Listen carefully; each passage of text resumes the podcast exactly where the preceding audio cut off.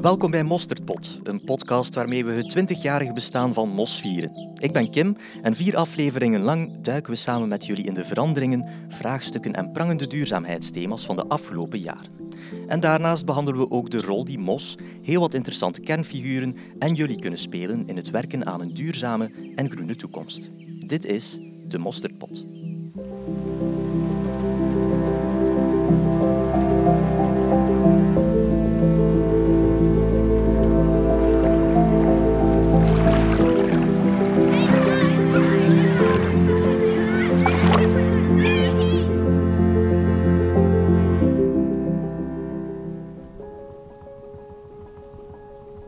Deze vierde en laatste aflevering blikken we even terug in de tijd.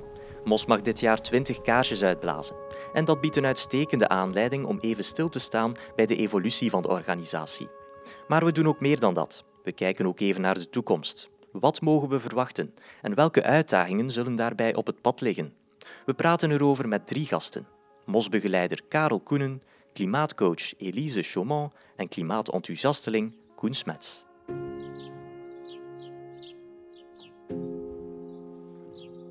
Karel Koenen, uh, jij werkt sinds 2010 als mosbegeleider basisonderwijs in de provincie Limburg. Um, je hebt de aanpak van mos zien evolueren. Het is ooit gestart als milieuzorg op school, hè, met het behalen van logo's, om dan in het schooljaar 2013-14 over te schakelen naar mos duurzame straffenscholen, uh, met begeleiding op maat van de school. Nu, uh, hoe draagt deze verandering bij tot een betere werking van mos? Ik denk dat het oude systeem, het logosysteem um, zeker zijn waarde heeft gehad. We hebben daarmee denk ik zeker heel veel uh, scholen gestimuleerd in een milieuzorgwerking en naar een hoger niveau getild ook. Het was een soort van beloningssysteem. Um, het was ook een, een, een keurmerk voor mosscholen. Dus je kunt een beetje vergelijken met de Michelinsterren. Ja. De school kon eerst logo 1 verdienen, dan 2 en 3, maar de lat lag eigenlijk telkens hoger. Dus ja, ik denk dat zeker scholen heeft gemotiveerd. Um, want aan, aan, die, aan dat systeem was ook een bepaalde aanpak verbonden. Wij verwachten dan eigenlijk ook als MOS wel van scholen dat ze bijvoorbeeld planmatig te werk gingen. Dat ze ons een actieplan konden voorleggen um, waarbij dat ze een schooljaar lang werkten en liefst ook bijvoorbeeld rond één thema. Uh, wij hadden vroeger vijf klassieke MOS-thema's. Ja. Wa water, uh, afvalpreventie, energie, um, dat soort dingen. En we stuurden er dan een beetje op aan om een focus te kiezen. Omdat we dachten, dan kunnen scholen ook diepgaander werken. Dan bereiken ze een dieper effect ook bij de leerlingen. Wij spraken dan van milieuwinst en educatieve winst. Dus dat was wel doordacht, zal ik zeggen. Um, maar dat had ook een keerzijde. Um, dat was voor leerkrachten best wel wat planlast. Hè? En, en, en, en papierwerk. Dat hoorden we wel veel. En ja, zoals ik juist al zei, de aanpak was ook wel nogal sturend. En um, ja, op een gegeven moment zijn we dan, kwam ook EDO op ons pad, Educatie voor duurzame ontwikkeling. Kunnen we misschien straks nog wel wat meer over hebben. Oké. Okay. Um, en dan, ook vanuit onderzoek, heeft men ons eigenlijk geleerd van um, het is misschien slimmer om scholen meer te helpen um, om te komen tot leerlingen die zelf duurzame keuzes kunnen maken. Die die keuzes zelf willen maken, kunnen maken en durven maken. Dat, is, dat zijn nog drie verschillende dingen. Um, dus hebben we die, die sturende aanpak en die um, kwaliteitscontrole, als ik het zo een beetje mag zeggen, wat losgelaten en zijn we meer gegaan voor een, voor een coachende aanpak. En ik denk dat de grote meerwaarde daar zit, dat, dat hoop ik dan, um, scholen en leerkrachten zich nu meer ondersteund voelen bij hun doelen. Bij wat zij willen bereiken, wat zij kunnen bereiken ook. En dat is voor mij ja, een hele belangrijke. Um, het feit dat die, dat die leerkrachten, die nu zeker in coronatijden best wel een heel pittige opdracht hebben, dat die zich ook echt gesteund en, en, en, en gemotiveerd voelen om ook te blijven verder doen. Ja. Dus, ja. In de loop der jaren heb je ook natuurlijk de aanpak van de scholen zien veranderen. Wat heb je in de, in de, uh, in de tussentijd al vastgesteld? Ik vind dat eigenlijk een hele moeilijke. Voor mij als mosbegeleider om daar, om daar een tendens in te zien. Net omdat wij, wat ik juist heb uitgelegd, vroeger um, hadden wij veel meer controle of zo op die moswerking. En nu dus niet meer. Nu hebben wij dat eigenlijk veel meer losgelaten. Nu werken wij veel meer op maat. Er is veel meer diversiteit. Maar dat maakt ook wel, vind ik, dat we wat iets minder voeling hebben bij, bij wat er leeft op school of wat er allemaal gebeurt op school. Dus ik vind dat een moeilijke vraag. Ik ga daar nog eens over nadenken. Dat is goed, dat is geen enkel probleem.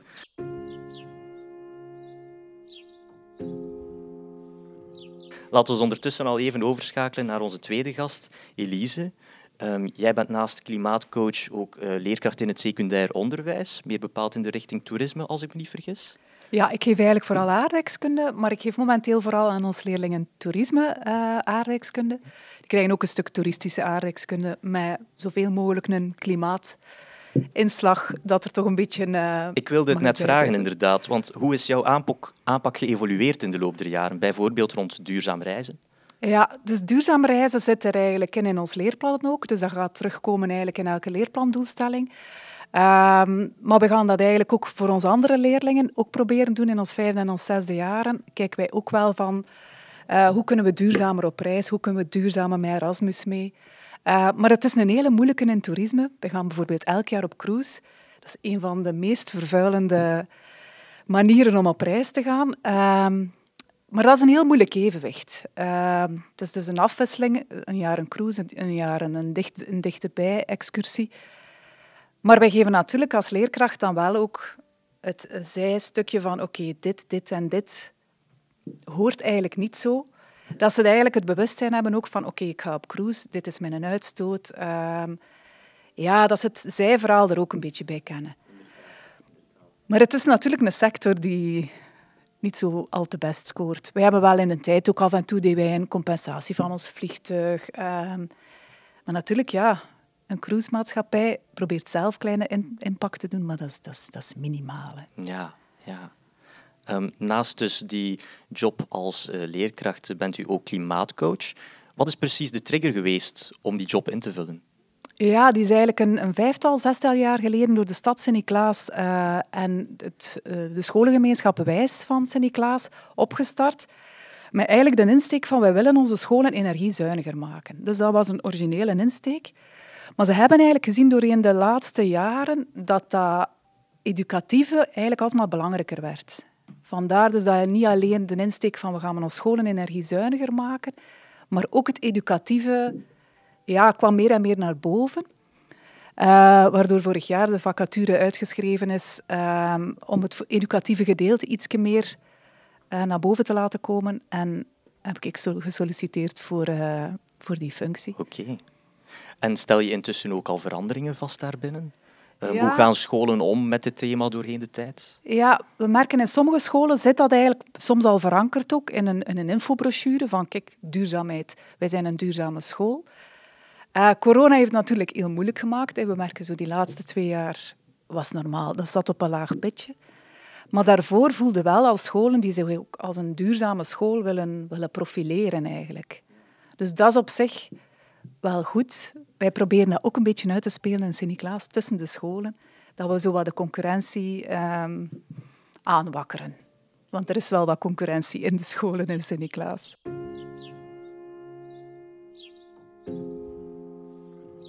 Ik wil nog even overgaan naar onze derde gast.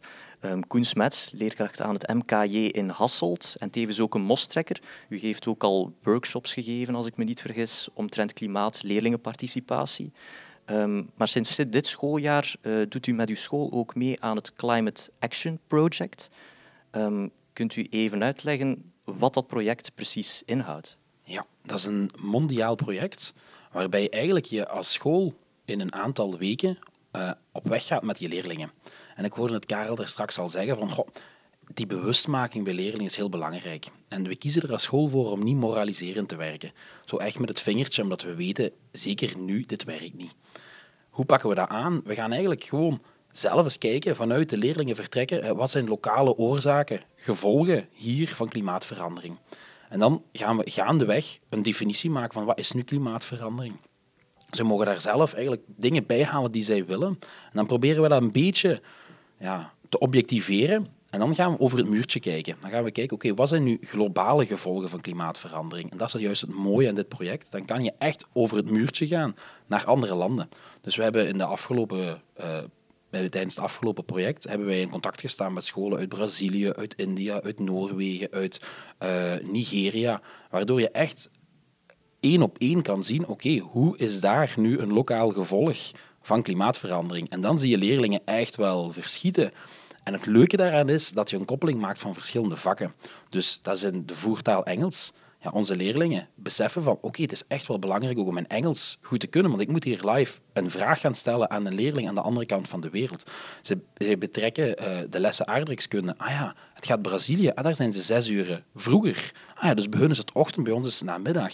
Het gaat heel divers en eigenlijk zie je dat je ja, al je lessen kunt combineren in dit project, wat, wat een heel grote meerwaarde is. Ja, fantastisch. Heb je ooit, uh, of heb je altijd al belang gehecht om, om duurzame thema's in je lessen te vervatten? Ik heb in uh, 2011, 2012 samen met mijn vrouw in Burundi gewoond. Uh, anderhalf jaar. Ik heb een project gedaan met kinderen die uh, ja, op straat leefden, werkten. Um, en daar is eigenlijk wel de switch gekomen van, goh, duurzamer is echt wel nodig. Hè. En als het dan gaat over klimaat, dan vind ik vooral die klimaatongelijkheid ja, vind ik, ja, heel frappant. Als we nu terugkijken naar, naar Glasgow, naar de laatste kop, dan, dan vind ik, ja, schaam ik me echt eigenlijk een beetje om, om, om, om te zeggen van ja, hier in België, dit is onze actie die wij doen. Um, en dan vind ik wel echt mijn, mijn taak uh, om zelf mijn steentje bij te dragen. Uh, ja. ja, en heb je je aanpak in de loop der jaren ook nog veranderd? Ja, eigenlijk wel. Dus het ging van, van kleinschalige initiatieven, um, die, waarvan ik eigenlijk zoiets had in het begin van het schooljaar, we zetten het al in onze agenda. Uh, die maand doen we dit, die maand doen we dit. Terwijl ik nu probeer echt wel ja, vanuit dat systeemdenken te denken. Dus echt, hoe kunnen wij vanuit heel onze school, vanuit verschillende vakken, een bepaald thema integreren binnen onze werking? Hoe kunnen we hier dieper op inzoomen? Hoe kunnen we dat actiegerichtheid krijgen vanuit de leerlingen om wat vanuit, vanuit hun ideeën te vertrekken? Um, en zo merk je wel dat je ook meer draagkracht krijgt. En zie je dan ook al intussen evolutie bij de leerlingen zelf? Een, een mooi voorbeeld daarvan is onze speelplaats, waarbij wij vroeger als leerkracht zeiden, ja, nu gaan wij op die dag gaan we de speelplaats opruimen, want er ligt veel rommel. Nu, we zijn een grote school, we zijn een school met 800 leerlingen, enkel in de middenschool, uh, eh, 2000 leerlingen in totaal. Het zijn twee campussen eigenlijk op één terrein. Ja. Ehm, en daar ligt veel afval. En dit is nu geen accent waar ik dit schooljaar rond gewerkt heb. En leerlingen spreken mij aan, ja, maar meneer Smets, kunnen we niks doen om onze speelplaats proper te maken? Kunnen we geen actie organiseren om, en, en met beloning en dan iedereen, die het meeste vuil ophaalt, krijgt dan een beloning? En ja, super, dit komt vanuit de leerlingen, je krijgt intrinsieke motivatie en we zijn weg. Dus uh, ja, ik, ik merk er echt wel gevolgen van. Collega's die mij aanspreken van, goh, is dat geen optie dat we vanuit techniek bijvoorbeeld, hè, uh, we hebben een... een um, een, eh, een oplaadstation gemaakt waar leerlingen tijdens de pauzes hun gsm kunnen opladen. En je merkt dat er een aantal leerlingen die, die, die, die plaats waar ze hun gsm kunnen insteken, die dat vernield hebben. Maar ja, dat is geen procent van het aantal leerlingen bij ons op school. Dat de leerkracht techniek aankomt, we kunnen misschien binnen onze lessen techniek daar nieuwe bakjes laten maken, leerlingen die vroeger klaar zijn. Kunnen... Dus je merkt dat er heel veel input komt van collega's en dat maakt het heel fijn. Ja. Dat kan ik zeer goed, zeer goed begrijpen.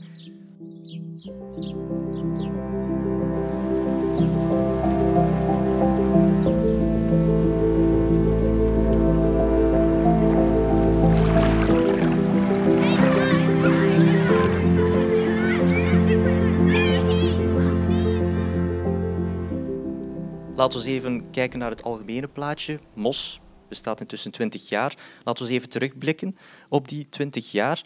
Um, merken jullie zelf gedragsveranderingen op binnen de school uh, na al die jaren mossen? Ik, ik merk onze leerlingen de wereld hebben ze in hun hand. Hè. Dan denk ik opnieuw naar sociale media. Hè. Leerlingen zijn van alles op de hoogte. En het, het brengt het, het globale beeld wel meer lokaal. Hè. Een actie, die, wij noemen het op school echt van denk globaal en handel lokaal. Um, En leerlingen zijn gewoon veel meer op de hoogte dan vroeger, is mijn ervaring. Dus ik denk dat het ook belangrijk is dat je het, ook, ja, het globale beeld wel moet schetsen voor je lokaal gaat handelen. Ehm, en ik, zou niet durven zeggen dat leerlingen minder betrokken zijn. Want dat is wel iets wat je zo vaak in de volksmond hoort. Oh, leerlingen zijn er op dit moment niet mee bezig. En klimaatmarsen is enkel omdat ze school moeten kunnen skippen en dergelijke. Ik heb dat gevoel absoluut niet. Um, maar leerlingen zijn wel meer op de hoogte. Hè. De wereld is in, ja, binnen handbereik. Dus, dus daarop inspelen denk ik dat wel heel belangrijk is. Ja. Ik weet niet of jullie daar nog anders over denken. Uh... aanvullend zou ik zeggen, ik, heb ook drie kinderen eh, ongeveer van die leeftijd als die van nu, Koen. En um, ik, zij komen regelmatig thuis wel met de boodschap van het gaat niet goed, hè, papa. Het gaat, het gaat niet goed met de natuur, het gaat niet goed voor het klimaat. En ze vinden dat niet oké. Ze willen, daar, ze willen daar echt zelf wel iets aan doen. Ja. Maar dan voelt je wel dat ze hulp nodig hebben. Dat zij eigenlijk misschien een beetje net zoals ons botsen op heel veel. Uh, dat, dat dat niet gemakkelijk is om als individu um, ja, um, duurzamer te leven. Um, dus dat voel ik wel heel hard. Dat ze dan zowel van school uit als van thuis uit daarin begeleid moeten worden van wat kunnen we doen samen. Ja jullie moeten ze op een bepaalde manier kunnen prikkelen, als het ware. Of... Ja. ja. en perspectieven geven en een stuk, ja, een stuk ook kennis meegeven, maar een stuk ook wel, denk ik, ja, ze helpen om tot actie te komen. Is dat op een bepaalde manier geëvolueerd in de loop der jaren, die, die manier waarop? Goh, ik denk dat wel. Ze, gaan nu wel. ze liggen er nu meer wakker van, vind ik zelf, de leerlingen zelf, dan twintig jaar geleden. Maar je voelt wel ook, ze zakken, een moed zakt ook soms in hun schoenen. En ik denk dat wij dat als leerkrachten ook zeker merken, dat we hen daar moeten bij helpen. Dus dat ze dat fatalistisch denken niet, niet, niet meepakken, dat ze soms ook in de media horen. Um, en dat we dan echt met concrete acties kunnen zeggen, kijk mannen, als we dat doen, dan kunnen we dat, dat en dat realiseren. En dat we hem op die, manier echt kunnen meepakken, denk ik. Terwijl dat we vroeger bij MOS was het... Uh, ja, was alles nog iets kleinschaliger, eenvoudiger. Uh, terwijl dat we nu eigenlijk wel wat opschalen, denk ik. Klopt dat? Ja, en ja, misschien was Mos vroeger ook gewoon schoolser. Hè? Ja, en nu ja. Ehm, ja, wordt de verbinding veel beter gelegd, denk ik, met, met, de, met de echte wereld, met de hele wereld, met hun leefwereld. Ze zien het ook. Hè. Het is ook um, niet meer, niet meer uh, te ontkennen, zal ik zeggen. Het klimaatprobleem bijvoorbeeld. Dus dat volg ik wel. Kinderen, jongeren zijn zich veel bewuster van ja, de sense of urgency, laten we maar zeggen, dan, dan, dan vroeger. Nou wel. Ik denk daarbij aanvullend zo de acties die er dan zijn, hè, bijvoorbeeld buitenlesgeefdag en Wereldwaterdag en bijvoorbeeld die Teach Up 2030, is, is het moment om inderdaad ook collega's die op dit moment nog onbewust zijn van de noodzaak, om die wel mee op pad te krijgen. Om, eh, je hebt tegenwoordig zoveel materialen, zoveel platformen, dat het eigenlijk gewoon maar is van, wil ik het aanbieden of niet? En dat dat niet meer gaat van, ik heb er geen informatie van. Maar ik denk dat het wel heel belangrijk is, omdat echt wel... Ja, je, je ziet het nu al staan in leerplannen en dergelijke. Het, het, het komt overal in voor. En het is gewoon, bij, denk ik, bij leerkracht op dit moment het geval van... Goh, het komt er extra bij en we zouden inderdaad, en dat is mos, vind ik daar ideaal om te zeggen, nee, het komt er niet extra bij, het kan gewoon in plaats van. Je gaat er zelfs tijd door besparen, door, door dingen te implementeren en niet eraan toe te voegen. Ja, je ziet dat sommige collega's er nu nog schrik van hebben. En het is dat soms dat we met, als we met een klein team zijn, mos, en we kunnen de rest ook meepakken, dan krijg je een groter team. En dan is het niet van, oh nee, ik moet daar zoveel uren aan opofferen. En ja, het, is, klopt. het is dat dat we eruit moeten krijgen. Want die duurzame reflex zou in elk vak moeten kunnen. En niet zo van, oké, dat moet er bovenop. Eigenlijk, dat, is echt, dat, is, dat is het grote probleem dat we volgens mij nu nog hebben. Ja. ja. En hoe ziet dan een duurzame straffe school er in de toekomst uit voor jullie? Ik denk om, sowieso met en vanuit leerlingen. Dus, dus echt mee omarmen. En in het onderwijs merk ik een heel erge, een grote evolutie, waarbij we vroeger zeiden, van voor staat de leerkracht en die heeft alle wijsheid en pacht. Dat we nu gaan, nee, een leerkracht vooraan is een begeleider en die neemt jullie mee op pad. En die transitie is voor veel leerkrachten, denk ik, nog op dit moment heel moeilijk. Van, goh, ik krijg hier een vraag waar ik het antwoord niet op weet en dat is oké. Ik ga u gewoon meenemen op pad en wij zoeken samen naar de oplossing. Maar dat is moeilijk, denk ik, nog op dit moment voor een aantal leerkrachten. En heel het klimaatprobleem, idem, idem dito, daar, daar zit je met zoveel verschillende kennis. En het is gewoon samen een beetje zoeken, want het is, het is op dit moment nog moeilijk voor velen om het een beetje te kunnen volgen. Maar ik denk dat wij, onze taak als leerkracht daar gewoon moeten worden. Wij worden begeleider in plaats van degene die de kennis in pacht heeft. Ja, dat coachend, dat coachend niveau dat er komt. Hè. En dat je die ideeën vanuit die leerlingen laat kunnen vertrekken. Um, wij hebben dat gehad met die klimaatambassadeurs op school. Zij werkten zaken uit en wij moesten gewoon aanpikken. En dat liep eigenlijk vrij goed. En dat gaf een hele toffe dynamiek op school. En dan zien andere leerkrachten ook van, oké, dat is een groep en die kan dan eigenlijk leerlingen en leerkrachten meepakken. En dat zouden we moeten kunnen doen. Ja, op veel scholen zou dat, zou dat super zijn. Hè. Een project wat we dit jaar nu op school gedaan hebben, is uh, een uitwisseling met een school in Düsseldorf, waarbij we echt als thema klimaat hebben. Dus we gaan echt onze leerlingen gaan naar een, een, een school in Düsseldorf en gaan daar bijvoorbeeld eens kijken, wat doet dat gezin hier rond ja, energie, rond klimaat? Uh, welke aanpassingen worden er gedaan? Welke investeringen doen we? En zo gaan we eens de, de, de vergelijking maken. Oké, wat doen wij? Want achteraf komen dan die leerlingen van Düsseldorf ook naar, huis, naar, naar, naar België. En zo gaat je eigenlijk intrinsieke motivatie krijgen van ik heb het zelf met mijn eigen ogen gezien. En ja, zo gaat je misschien een, een lichtpuntje krijgen en op die manier vertrekt het weer. Dus, ja.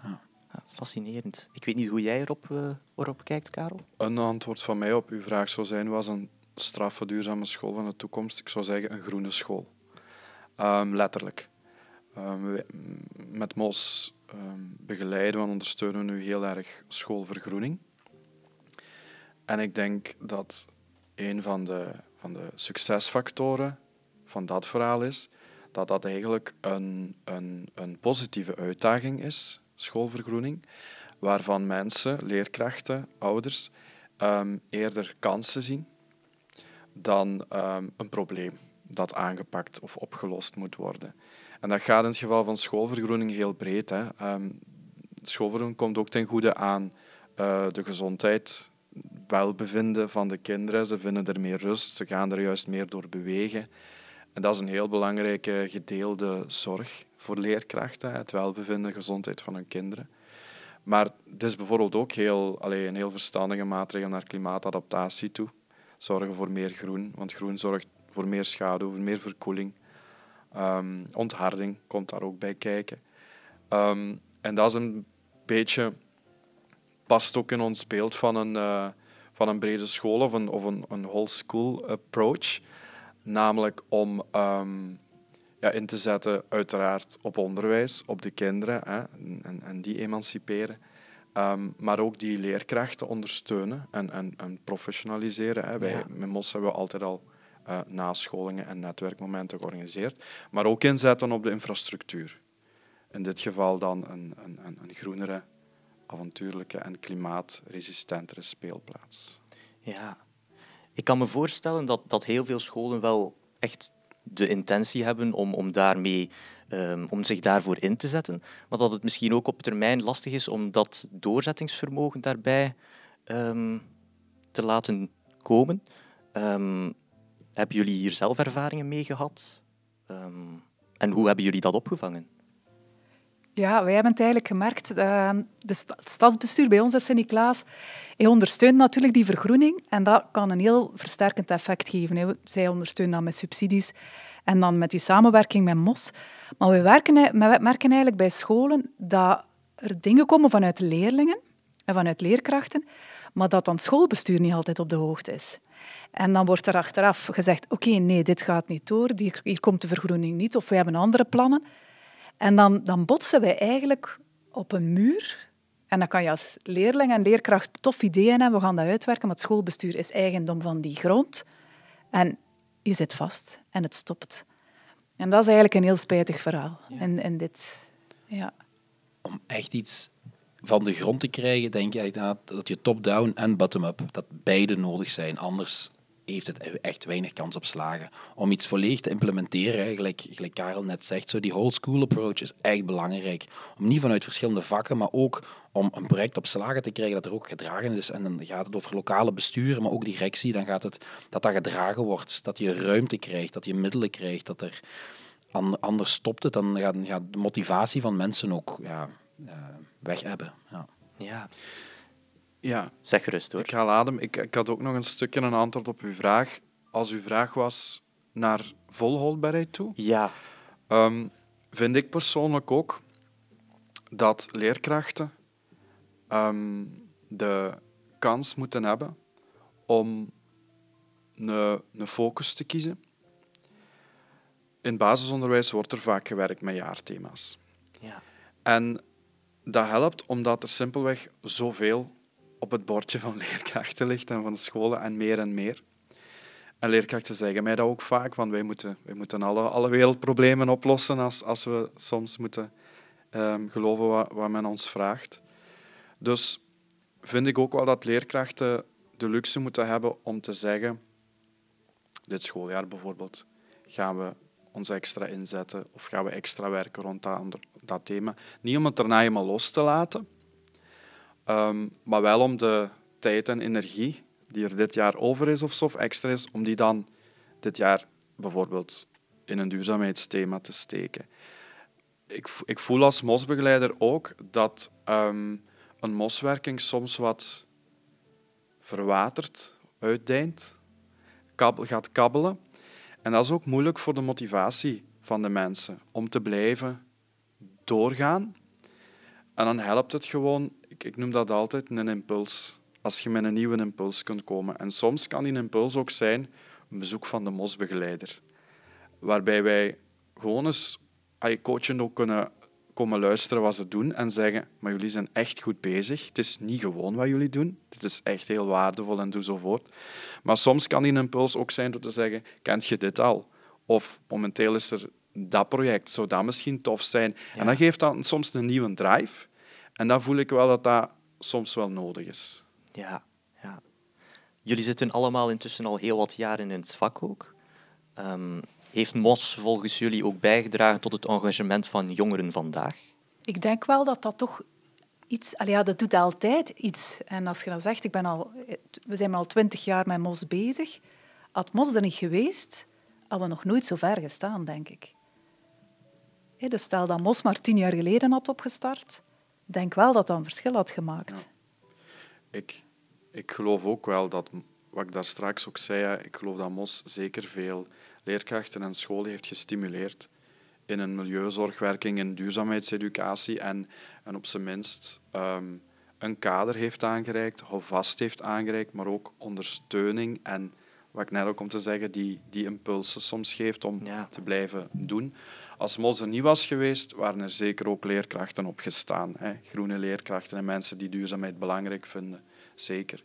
Maar ik hoop wel dat MOS daarin allee, eh, een ondersteunende factor is geweest. Afgaande op de reacties van Elise en, en Koen merk ik dat dat positief wordt onthaald. Ja, MOS is altijd voortrekker geweest en geeft inderdaad altijd die impulsen. En dat is iets wat heel fijn is. Zeker als je er zelf geen trekker in bent, dan krijg je die impulsen en geeft dat wel voldoende schwung om ermee aan de slag te gaan. Ja, ja zeker.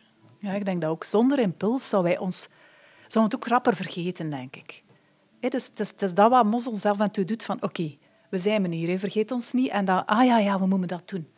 Ik merk ook dat leerkrachten dit jaar ook soms gezegd hebben tegen ons oh, wij zijn beschaamd met corona, wij hebben bijna niks kunnen doen rond milieu en rond duurzaamheid. Dus er zit ook al een klein beetje een schaamtegevoel in. En het zit er quasi ingebakken dan toch al? Ja, eigenlijk wel. En dat is denk ik wel, ja, de twintig jaar mos zijnde, dat, dat dat wel in zich gebracht heeft, denk ik. Ja, zo dat schuldgevoel van oké, we hebben bijna twee jaar niks gedaan, lap, die corona. Dat toont wel een intrinsieke motivatie. Hè? Maar tegelijk toont dat wel voor mij dan een heel belangrijk ander thema. Want als je, als je vraagt naar tendensen, de tendens die ik zie is ehm, de haalbaarheid. Als je momenteel kijkt naar hoe veel leerkrachten uitvallen en het moeilijk krijgen, ook door corona natuurlijk, maar dat heeft ook met werkdruk te maken. Dus ben ik ook heel blij dat wij aan onze job, ik gebruik het woord nog eens, maar leerkrachten kunnen ondersteunen. Omdat ik hoop dat we ze ook een klein beetje kunnen ontzorgen. En dat probeer ik in de mate van het mogelijke ook te doen in mijn job. Ik probeer ook een stukje echt wel van hun werk te verlichten, eh, waardoor het ook haalbaarder wordt en blijft voor hun. Um, om dat extra engagement uiteindelijk ook ja, te blijven waarmaken. Ja, mooi, mooi, mooi. Um, laten we even kijken naar de toekomst. Hoe zien jullie die tegemoet? Ik hoop dat we echt meer concreter kunnen werken. En uh, concreter in de zin van uh, dat we op termijn echt energiezuinige scholen gaan hebben, met ondersteuning van de overheid en uh, van alle mogelijke diensten. Maar dat dat normaal is, dat we een energiezuinige school hebben, dat we niet in die oude gebouwen moeten ploeteren en oplossingen zoeken, uh, maar dat er concreet uh, echt energiezuinige scholen zijn en dat de trajecten die we ook doen, uh, ik zeg nu maar iets rond lokale voeding, dat dat geïmplementeerd wordt in de scholen, in het beleid en dat directies eigenlijk daar ook ja, een ondersteunende rol in kunnen spelen en echt ook zeggen van oké, okay, dit willen we en daar gaan we voor. En dat we echt ja, een specifieke CO2-reductie kunnen krijgen. Ja. Dat hoop ik dat we daar naartoe kunnen gaan. Ja, ja dat er vertrokken wordt vanuit duurzaamheid, vanuit, vanuit, vanuit, vanuit de, dat dat als basis wordt. En niet is van, oh, ah ja, we moeten ook nog letten op duurzaamheid. Nee, dat er gewoon van daaruit vertrokken wordt. Ik, ja, ik sluit me daar volledig bij aan. Ja. Dat dat de standaard wordt. Ja. ja. En welke grote uitdagingen zullen daarmee gepaard gaan, denken jullie? Ik kom een beetje terug op, op wat ik daarnet zei rond, rond haalbaarheid. Ik zou het eigenlijk heel tof vinden als we bijvoorbeeld ook als MOS-begeleider meer ondersteuning kunnen bieden op de werkvloer. Ja. Ja. Ik zei het dan net al, nu, nu doen we wel begeleidingen en coaching, maar ik heb soms echt nood om meer naast de leerkracht bijna in de klas te gaan staan of op school echt nog, nog meer te, te helpen Um, concreet bijvoorbeeld rond vergroening, schoolvergroening, verwacht ik de komende jaren best wel een pittige uitdaging in het, um, het ecologisch beheren van dat schoolgroen. Ja. Dat is best wel iets waar een school allee, niet dadelijk uh, kaas van heeft gegeten. Maar mijn vorige job was bij Natuurpunt Educatief Natuurbeheer, waarbij wij met jonge leerlingen het beheer gingen doen van een plaatselijk natuurgebied. En zij kunnen dat perfect. Dat was enorm leerrijk, dat was enorm groepsvormend. Dan denk ik, ja, waarom zou dat niet kunnen op school? Maar dan droom ik, dat is nu een heel persoonlijke droom dat ik nu ga, ga bekennen aan jullie, dan droom ik bijvoorbeeld wel van een project als De Natuurmeester. Waar de natuurmeester een kabinetje met, met beheermateriaal rondrijdt naar scholen en daar een leerkracht gaat helpen van kom, wij gaan buiten en wij gaan nu educatief beheer doen van dat schoolgroen. Um, ik denk wel dat dat moet in een soort van teach-the-teacher model. Want je kunt dat niet voor alle scholen doen en je kunt dat ook niet blijven doen. Maar die ondersteuning om het, om het wel eerst zelf ook te mogen en te kunnen vastpakken en een leerkracht daar heel concreet, heel praktisch in te helpen, daar zie ik toekomst in. Maar dat is natuurlijk ook vooral vanuit die bezorgdheid die heel hard bij mij zit van um, de, de, de haalbaarheid ja. bij leerkrachten. Dat vraagt een zeer nauw contact tussen jullie twee natuurlijk dan. Uh... Ja, maar tegelijkertijd nauw contact is ook tof ja. hè? en is ook, is ook lonend. Hè? Dus, maar komen ja. ik zeggen. Ik denk ook dat daar gemeentebesturen, stadsbesturen een heel belangrijke rol kunnen spelen. En dan kan je eigenlijk die samenwerking aangaan. Dat er een ondersteuning, ondersteuning komt vanuit een stad, die dan dat beheer mee ondersteunt met die leerkrachten. Ja. En dat is bijvoorbeeld het grote voordeel dat wij in Sint-Niklaas hebben, dat wij eigenlijk daar met twee klimaatcoaches ehm, die scholen wel wat iets meer kunnen in ondersteunen, samen met MOS. Um, maar ik denk dat stadsbesturen en gemeentebesturen echt wel een heel belangrijke rol kunnen spelen in heel Vlaanderen. Dat er ook wel nog een uitdaging ja, ligt. Helemaal akkoord. Ja.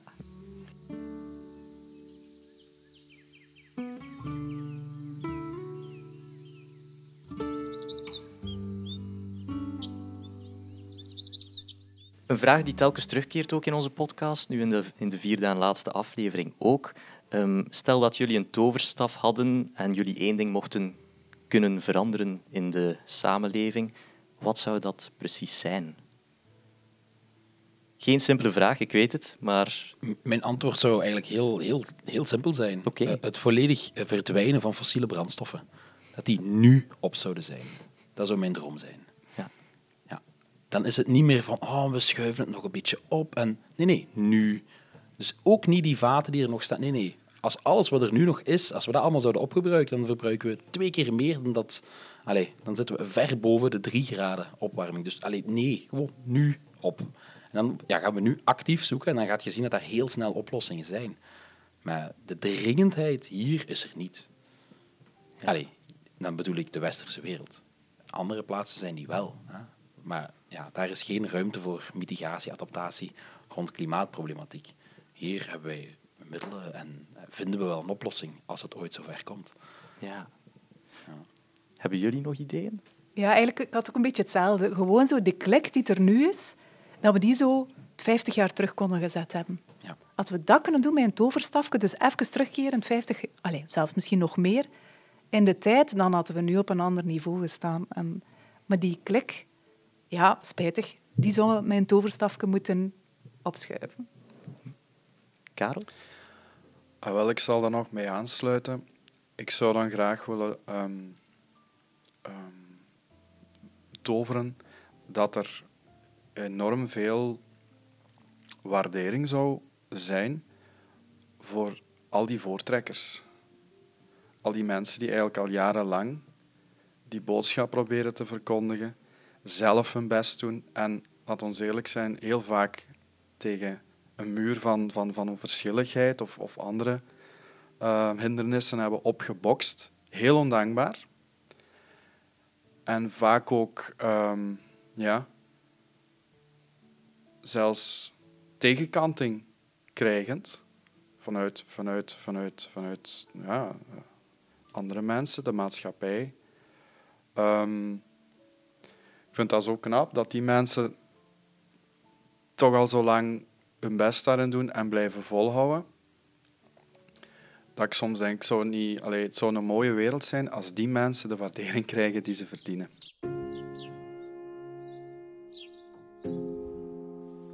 En dan nog een afsluitende vraag. Hebben jullie nog een tip voor de luisteraar? Mijn tip zou zijn is, wees ook tevreden met de acties die je doet. Hoe klein die ook zijn en hoe klein dat je denkt dat die impact ook is, wees, sta er ook af en toe bij stil en wees daar ook tevreden over. En ik, ik geef het ook altijd aan mijn leerlingen mee. Als zij soms na een actie zoiets hebben, goh, maar is dit nu de impact? Dat ik zeg van, kijk, dit is geen druppel op een hete plaat, maar een druppel inkt in een vat water. Hoe meer druppels erin komen, hoe meer gekleurd het zal zijn. Zeer mooi gezegd. Elise? Ja, dat is een beetje die mildheid. Hè. Want dat voel je zelf soms ook zo van... Om de duur kan je zelf een schuldgevoel hebben van... Goh, ik heb dat gedaan of ik heb dit gedaan en dit. Maar soms moet ook gewoon mild zijn voor jezelf en zeggen... Oké, dit is wat ik kan doen, maar dit is ook oké. Ik sluit mij daar perfect bij aan bij wat Koen zegt. Ja.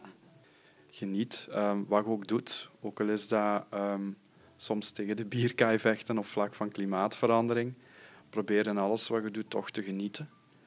En um, wees dankbaar. Want ja, een beetje wat, wat jij ook zegt, hè, de, de, de mildheid. We moeten ook zien wat er um, wel verandert en wat er allemaal wel al gebeurt. En um, een dankbare mens is een gelukkige mens, zeg ik altijd. Dus dankbaarheid vind ik een hoog goed dankbaarheid. Dat is ook hetgeen waarmee ik wil afsluiten bij deze vierde en laatste aflevering. Jullie alle drie, Koen, Karel, Elise, heel erg bedankt om hierbij te zijn. Ik vond het zeer aangenaam, hopelijk jullie ook. Zeker. Graag gedaan, super. Fantastisch. En uiteraard wil ik ook jullie, de luisteraar, heel hard bedanken om naar deze reeks te luisteren. Ik hoop dat het zeer inspirerend heeft gewerkt, zodat we samen bewuste keuzes kunnen maken voor een duurzame toekomst van onze planeet. En heb je na deze aflevering zin gekregen om aan de slag te gaan met duurzame thema's? Neem dan contact op met je MOS-begeleider of neem een kijkje op de website van MOS. Dit was de Mosterdpot.